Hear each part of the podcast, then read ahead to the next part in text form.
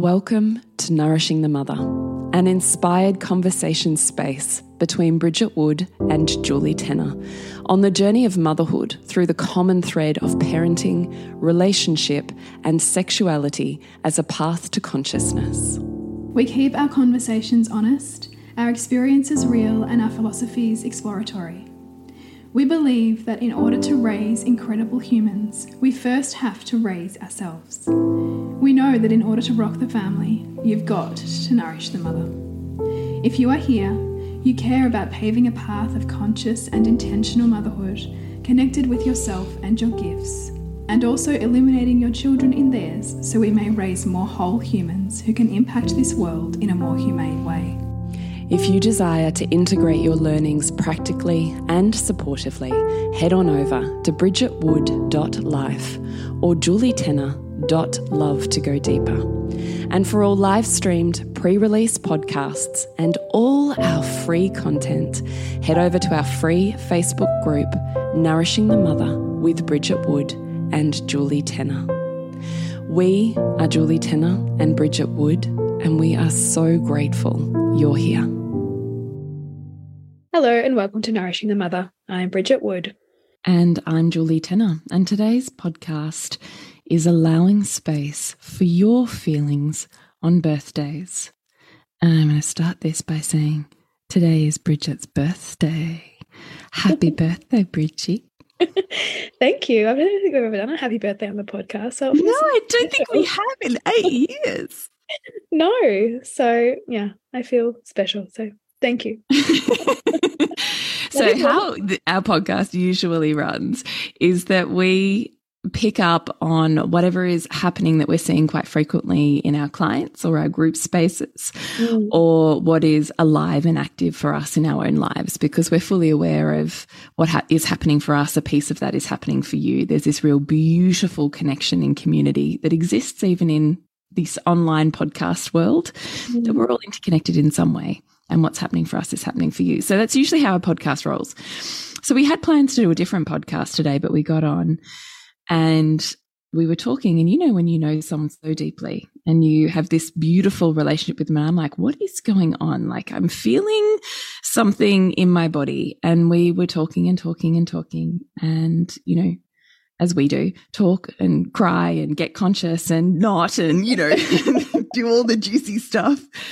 And then I said to Bridgie, what if we just ditch the podcast we had planned and we actually just create space to have a conversation with you as a listener around really honestly the realities, as in the lived daily human experience of being a human who has a birthday, the day you yourself were born. Mm and also has birthing days, the day that you yourself gave birth, and that those days somewhat are like an orbit that you return around to, like a Saturn, and you return and you return and you return. And unless we create some healing and some consciousness, we can find ourselves trapped in a bubble. Almost like the experience of that moment bubble with a bit of trauma and a bit of whatever is stuck and as yet not fully healed we can find ourselves circling straight back into that every year. And if we're not conscious, often going, What the heck is wrong with me? I yeah. should be so happy. Why aren't I? You know, all of these things. So we thought, let's have a really beautiful conversation about this. Mm. Thank you for so beautifully entering that, Julie, because, you know, I know that for myself, and I, I, you are too, certainly a big advocate of of celebrating the mother on her child's birthday and not getting so caught up in, yay, happy birthday to Johnny. It's also, you know, happy birthday day to you, you mm. know, and and who you became on that day and what you traversed on that day. Mm. Because sometimes as mothers also on our own birthdays be so consumed by the needs of others or even just become a little performative in how we think birthdays need to be that we don't allow the space or room or capacity to mm delve into, you know, like what's this niggling feeling here for me on my day? And how come this kind of familiar feeling shows up every birthday in some form? Mm. And what's that about? And so if you've been in any kind of conscious circles for any length of time, you will have perhaps heard the kind of ancient women's wisdom, I think, that says how you were birthed into the world can set in motion a pattern of how you be in the world. Mm -hmm. Do you want to say a little bit about that, Julie? Well, I just find it hugely interesting. It was actually through working with Rhea Dempsey that I really sunk into this mm. lived experience. I think I'd had inklings of it, but hadn't probably anchored it into um, having a, a, profound impact on someone. And wasn't until I came across Rhea who really had incredible visceral lived experiences of or traumatic birth experience as in her own birth and all of those feelings of being unwanted and um, unloved and all of those messy complicated feelings would cycle for her every birthday so she always kept this period this space mm. around either side of her birthday because she knew she would almost descend into a type of depression mm. which i just found so fascinating I just found it a fascinating concept and a fascinating conversation. And as part of the doula training birth work that we did was to explore our own birth experiences, which mm-hmm. began with questioning how do you feel on your birthday? How do you feel in the lead up to your birthday? How do you feel after your birthday? And just seeing if you could find, as you so beautifully said, Bridgie, these feelings of familiarity Mm. You always seem to feel this way. You always seem to end up here at this time of the year. You know, that kind of state. I just find it so fascinating to consider is it really mine? Is it really me? Or is it just kind of this almost time warp that I'm, there's a piece of me that's stuck in? Mm. I mean, I just find it so interesting. And how many of us have actually spent the time of talking to our mothers and saying, Can you please tell me my birth story? Yeah. How were you feeling? What were you thinking? How were you feeling about this impending day of my, of my birth, the day you were going to give birth to a child? Mm. What was mm-hmm. going on for you? What was happening in your relationship, in your life, in your body, in your mind, in your heart? And we realize how incredibly human and complex our own mothers are. Mm. And I just think there's not many of us that do that enough. To truly hear your own birth story is quite a profound thing. You know, of course, you've got to be able to hold the regulation and all of the shit you have with your mother, and you know. Yeah, there's there, there, there's stuff. no there's no uncomplicated mother child relationship. there's right. none that are, that are but how interesting. mm. Mm. But how interesting to just kind of sink into um, wow, were you really scared? Mm. You know, I mean, part of Rhea's story was back then in those days, um, she said they weren't ready, the doctor wasn't there, or they didn't have a room or whatever for this woman, like as Rhea was starting to crown. And so they physically closed these women, this her mother's legs. So in Rhea's lived experience, it was that she was physically stopped from moving forwards or from entering the world. And so it always showed up in across her life and in these endeavors. And I just find it so interesting. Like, what was alive for our mothers? What was their birth experience like? How were they treated? How were we treated as, as part of that experience? I just find it so enormously complicating. It, well, fascinating. Yes, it is complicated too is this really our experience or is this part of what would of what happened and can we recreate a story can we be our own mother can we rebirth ourselves can we create a new a new initiation you know i mean i think every birth is perfect also and i do think there's a, a perfection in the co-creation and whatever you took out of that experience has served you and continues to serve you in your life i still wholeheartedly believe that also but there will come a point at which you have enough awareness around this and you start going, this is a little more painful than what it used to be. Mm-hmm. And I'm a little more like, don't like it. And really am sick of this, sick of myself, sick of this experience, don't want to be here anymore. And when you hit that point, I think that's the you know, tipping point of the scales where you start to go, and now I'm ready to change the story. Yeah. And I think too, our, our the births of our, of our own children are also echoes in some ways of how we were birthed because mm. our, our body has taken the imprint of birth, you know, our birth, and goes, okay, that's what we do, mm. and can hit versions of our own births. And in fact, my birth with Pearl was, and you know, Julie, of course, you were there. It felt like I was having a, a rebirthing experience mm. in that my previous my birth with my other two two children, which involved um, some kind of version of stuckness and needing to be assisted um, to this overwhelming sense of release and permission, I guess, for my daughter to be born. Like my body just let go. Mm. And but my birthday kind of hasn't caught up. my daughter's birthday did. so what is your lived experience on your birthday? Yeah, so I with my birthday, and I think I only really this only really landed for me powerfully that this was a pattern for me about 11 or 12 years ago in my mid to late 20s when I'd I just had this kind of real grief around my birthday or on my birthday and was just very um weepy and sad and I couldn't explain it and didn't have a, a reference point for that part of me either. Like I was I'd kind of up until that point really sort of pride proud prided myself on my togetherness and my level-headedness and you know all of the things that I'd mm. been socialized to be good at. Mm -hmm.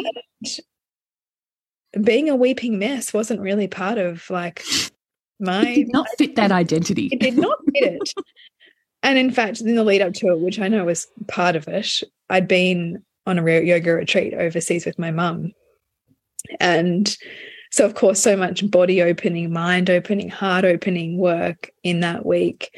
And then, of course, it culminates in in my birthday, which is the day we fly home. And I, I know she was just kind of looking at me, kind of perplexed and bewildered, yeah, bewildered mm. at what appeared to be grief, I think. And I was bewildered by it too. Mm. And, you know, really like versions of it can show up like, you know, every year around like taking up space, around, you know, figuring out what I really want and, you know, can I have that? And is there room for me? Like just this real kind of wrestle with identity and whether you know the world is safe for me. Mm, and how does that reflect the birth that your mother had with you? Yeah so i was born by forceps so um, a very common thing i think in the 80s but yeah so i was pulled out. And my mum had told has told me before that when she got to the hospital, she wanted like she wanted my dad to like take her back home again. Like she she sort of had this visceral feeling of like wanting to turn around and go home and and not do it. And you know, almost like there's this sense of of trepidation about about birthing me. Mm. And that that adds up with me being pulled out, right? You know, mm. that that unwillingness or that fear mm. also being reflected in her body mm. and her body needing help to release me. Mm. And I think it's important to to pause here on that point that you make around, you know, is it all the mother and her body and her unwillingness, or is it also part of me that created that? Yeah. You know, what part of me also as a as a soul and as a tiny little being was also in that dance with her. Yeah, totally. I believe that. Yeah. And I have um I have regressed. I have done some regression work back to like my mum back to that moment and someone kind of was like representing my mum in that moment and, and had said like I just I just felt so incapable of of doing this, but I knew I wanted to do it for you. Mm.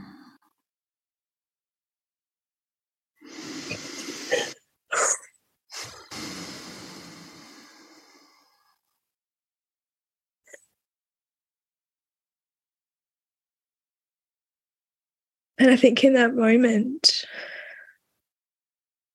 I think in any moment like this, we get offered, you know, the humanness of our mother. Mm. And often a young woman too, right? Mm. And all of the insecurities and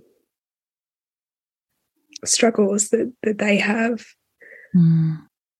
that, that we come with and that on some level we make mean something about us.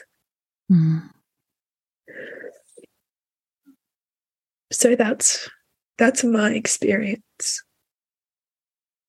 Yeah, and in various ways it it shows up on my birthday, right? Like, you know, what I'm what do I want to do for my birthday, what would feel really good for me to do? Or, you know, is it just another day because there's always more things to do? So, do I get a day off? Like, do I get to sink into what this means for me versus it be consumed by the needs of others? And mm. that kind of tussle that we do as mothers as well, which is, I don't really get a day off and all this still needs to happen. But how do I also make it something that I take a pause with. Totally. Yeah, totally. We're super grateful to our sponsor, Edible Beauty Australia, who are super aligned in our vision in supporting mothers to feel their best. And if you're anything like us, you've no doubt been on the hunt for the best natural beauty products and perhaps don't know which brands to trust. That's why we've done the hard work for you and collaborated with a naturopath founded, Australian made beauty brand originally created for pregnant and breastfeeding women. We want you to find small ways every day to connect with your inner goddess. The art of adornment and embodiment is purity, power, and a little luck thrown in, which edible beauty products are all about with their pure formulations, powerful botanicals, and luxurious textures. We are personally loving their newest launch, Phyto Stretch Mark Oil, a luxurious yet active natural stretch mark oil that works as quickly as in four weeks to combat new and existing stretch marks. And if you know me well, you know I'm a strong advocate for soft lips help smooth communication. And their Goddess on the Go lip balm is the ultimate lip treatment for dehydrated and cracked lips. So go get yourself some tummy or lip love at ediblebeautyaustralia.com and use the code NourishMum25 for a 25% discount on your first order. I think it's such an interesting inquiry just to ask, how do I feel on my birthday? Mm. And how is that representative of how my mother felt about me on my birthday or about the birth that she was having or not having or you know, like just have some inquiry around what that whole experience was for you. And if there's echoes of that, I just think it's so beautiful to bring compassion to and be like, wow, like how beautiful that makes sense. I don't need to run with story about how it's about my current life right now and it's about me right now and it's about my future. It's just like, oh yeah, that makes sense. Mm. Yeah. That makes sense. And then I think it's easier to bring compassion and therefore allow healing because if you're fighting something, you're not healing something. Yeah. Yeah, it's it's almost that practice of I mean, how long can I be with, you know, a little bit like that that first birthday where I really where it really moved through me. It's like, how can I really be with this? Yeah, yeah, yeah, and just allow it. Bring curiosity to it how do you want to be with those particular feelings? The you who feels those feelings, what does she really need to hear? What did the you who was being birthed really need to hear or know or feel that she didn't. Can you give those things to yourself now? Yeah, I mean, I think that's the way out, right? Yeah. And also seeing when you run with those extrapolated stories, which I think attachment is always the issue. Attachment is what will prevent your healing. What I'm talking about is finding ways to release the grip of attachment so you can have some non attachment and therefore something's free to heal. It's not free to heal if you're like gripping onto it. So I just find that such a fascinating concept. And even just, I find it interesting just to witness my own psychology in it. So, yeah. Um, I mean, I think it's easier to touch. Pardon? Like the neediness to like make this real or yeah. Yeah. Or just even just to be a bit more self-aware and not run with it because that's often something that I can do is run with a thought or a belief and now I'm you know 5 miles down the road when the road was never really there yeah. you know? yeah so I'm just aware of like, like hello, hello humanness, like yeah, and hello feminine energy, and you know all of that yeah. stuff. But I just find it so interesting to just ask that question of curiosity: What was my mother's experience of birthing me? What was her emotional state? What were the caregivers like around her? You know, like what did that whole situation look like, feel like, sound like? And are there echoes of that that I'm experiencing today? Ah, well, then I've got a place for that to kind of anchor and land. And now I can uh, detach from it a little bit because it's not mine. Mm. It's an experience I had, and I get to choose what I do with that experience, but it's not me. Yes. Yeah, because if it's if it's if we firmly hold on, well, that's just me, then that becomes self-fulfilling and there's no room to, to create any space between that set of behaviors or those right. feelings. Yeah. So i mean let's take your story. If you continued to own well i just am the person who's always stuck and can't move forwards and can't move backwards well i mean it becomes a self-fulfilling prophecy versus oh well that makes sense. Yeah. It makes sense that experience. And what i can do is repattern and reparent and remother myself through that and notice that attempting to move out of like that place of stuckness is probably going to feel terrifying because that's an echo of something that is primal. Mm. You know, mm. like that you're kind of dancing with your own kind of primal fears and they don't need to be feared, but that they are. Your body's telling you to be afraid of it because you're stirring up something that is so viscerally a part of your cellular makeup. Yeah, it's so interesting. Yeah. I think about my birth and um actually I've been reflecting I think it's easier to reflect on your birth when you're closer to the orbit of it. Let's just say that too. I'm a fair way from the orbit of my birth, so it feels more distant. I imagine that I would have a completely different experience if I were in February and I was closer to my birth. Yeah. But I had been reflecting even on the difference with which my sister and I even um, are with our own birthdays. Oh, yeah. So I don't know if you reflect with your brother and you, but I even just reflect on that difference. I think it's it's so extraordinarily interesting to me. My sister has always needed like a three day her birthday experience, like three days, like a festival, away from kids, away from demand, away from pressure. It's almost like this exit out of life three days because she needs to take into consideration her need to be celebrated and any crushing feelings and depression. And it's a very complex three days in my perception. Right. Needs three days. Whereas I'm like, oh, yeah, sure. You know, it's another day. I feel quite joyful about my birthday. I'm a bit excited about it. And then I notice after the excitement, inevitably, this is why I was thinking about the brain pathway. What I end up in is disappointment that whatever happens is not quite enough. Yeah. Like there's not quite enough witnessing or celebrating, or it's not quite a present that sees me well enough. Mm. You know, like there's this flavor yeah. of edgy disappointment because my experience is not fully seen. Yeah. And it is 100% my birth.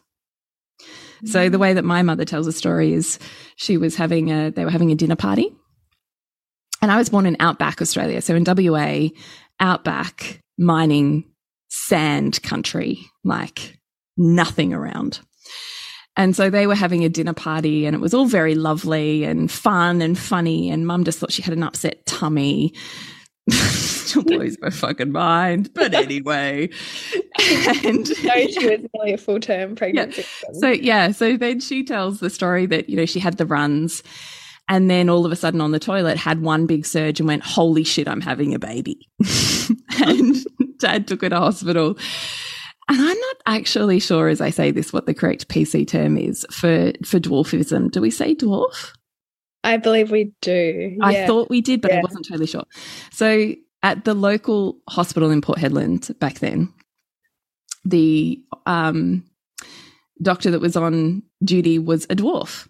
Mm. So he's got my mum on the table with her, you know, knees bent, and she said he just gets his head between my legs and my waters break all over his face. and this baby comes like, and my dad goes, You just popped out like a jelly bean. So, this is the narrative of birth. Oh my goodness. That I grew up with. But I can't help but wonder that there wasn't quite enough fanfare for my mother, and there wasn't like it was almost mm. too easeful that there's nothing to linger on, you know, like, well, it was so great. You just get on with things. Like, what do you, uh, you can't linger. You can't be celebrated. You can't be because there's like, it's done already. You know, that kind of mm, like, come on, pull your socks up, keep going. Yeah. And I think that's what that flavor of disappointment is in my birthday. Mm. No, Ziggy. So just that, like, ah, like excitement, excitement, yay. Ah, was that it? Mm. You know? Yeah, I can identify with that. Yeah, for sure. Yeah. So I find that so interesting. And my sister actually, she was a breech birth. And back then they they didn't have the facilities to take care of a breech or to safely birth a breech birth in the outback. So my mum had to fly into Perth. So she was in a hospital on her own for three days. Oh, really? Yeah. yeah. Uh-huh. And so she's creating like the three yeah. day thing. Uh-huh. Uh-huh. And it's a breech birth, right? So it was so it's so exciting because oh my gosh, like this is the whole thing. It's exciting and it was scary and it was, you know, it was all of the roller coasters. Yeah. And she's on her own. Mm. And I just like I see that reflected in the way that my sister is with her own birthday. That's so interesting. It's so interesting, isn't it? Mm. So it's we heard so that you are thinking, what is, how was I born? And how is that reflected in how I view my birthday now? Yeah. And what, what pieces of that do I want to rewrite? And what pieces of that do I want to, you know, just like soften around and be like, yeah, that makes sense. And I can mother myself. And yeah. what pieces of that can I choose to recreate? You know, just an entirely new story for because you can absolutely heal anything anytime you want to, absolutely without question. Mm. And the echo just gets softer and softer, you know? Yeah. Or you it with more and more love. Yeah. You know, or you go like my sister, like she is very boundaried in so many ways. She's like, I know I need three days, so I shall take three days. Mm. And I mean, her kids are 13 and 11. So for their whole lives, that I mean, that's as long as I've known my sister forever, three days is what she has taken for her birthday without fail. Even when she's like got little yeah. kids? Yeah. Oh, she just like, yeah. Yeah. Yeah. Yeah. Yeah. Has I always love, found a way. Yeah, I love that example of like, okay, like you're, and this is, this is just, I, I love how we can see how not only our imprints like filter out to create certain behaviors, but also just the myriad of ways in which opportunities are available to us if we decide if we decide oh yeah well that's for me. I'm taking that or i'm doing that or mm. i'm or i'm creating the space in order to allow for that. Yeah. Because i recognize that whilst society says my birthday should be joyous and i should be happy actually my lived experience is i find it quite challenging and tricky and I really want to be compassionate with the gentle part of me that needs some healing. So I'm going to allow it this much breath and space around it. And that mm. will feel really nourishing for me.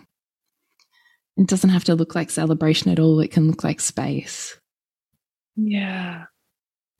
And I would love to do that birthday dinner with you, you know, a week later, three days later, whatever. Mm -hmm. Like mm -hmm. just letting go of any binaries that we hold and just allowing it to be what you need it to be. Mm. Yeah, if there wasn't a, a prescribed way to do birthday, yeah, do you really love? Like yeah, how, how would it be? How would it be amazing for you? Yeah, beautiful, spacious. Yeah. And the invitation is just to get curious with yourself around your own birthday, to mm-hmm. recognize on the birthdays of your children. That's often why it can be very complex because you're rebirthing all over again and all of the feelings and the flow of the day, same as in your own birth. Mm. And I just think it's a lovely lens with which to see yourself. We don't have to make anything too attached or held on too tightly or too literal. It's just a really kind lens through which to consider an experience that you're having. Mm. Yeah. And if you consider it in the context of, you know, how this might be an echo, I think it also allows you a lot more compassion. Yeah, exactly. Mm. Yeah, exactly. So, Bridgie, how do we do more of this work with you? Yeah, check out my website at bridgetwood.life where you can find courses. You can find the Reimagining Motherhood membership, and you can also find one to one work to do with me. So check that out. And you, Jules? Is over at julietenner.love. And right now, what you can get in on is Healing the Seductress. Reconnect with your sovereign sexuality and heal your relationship with your body in five days and 10 healing story medicine journeys with me. So you can find out more about Healing the Seductress. Seductress.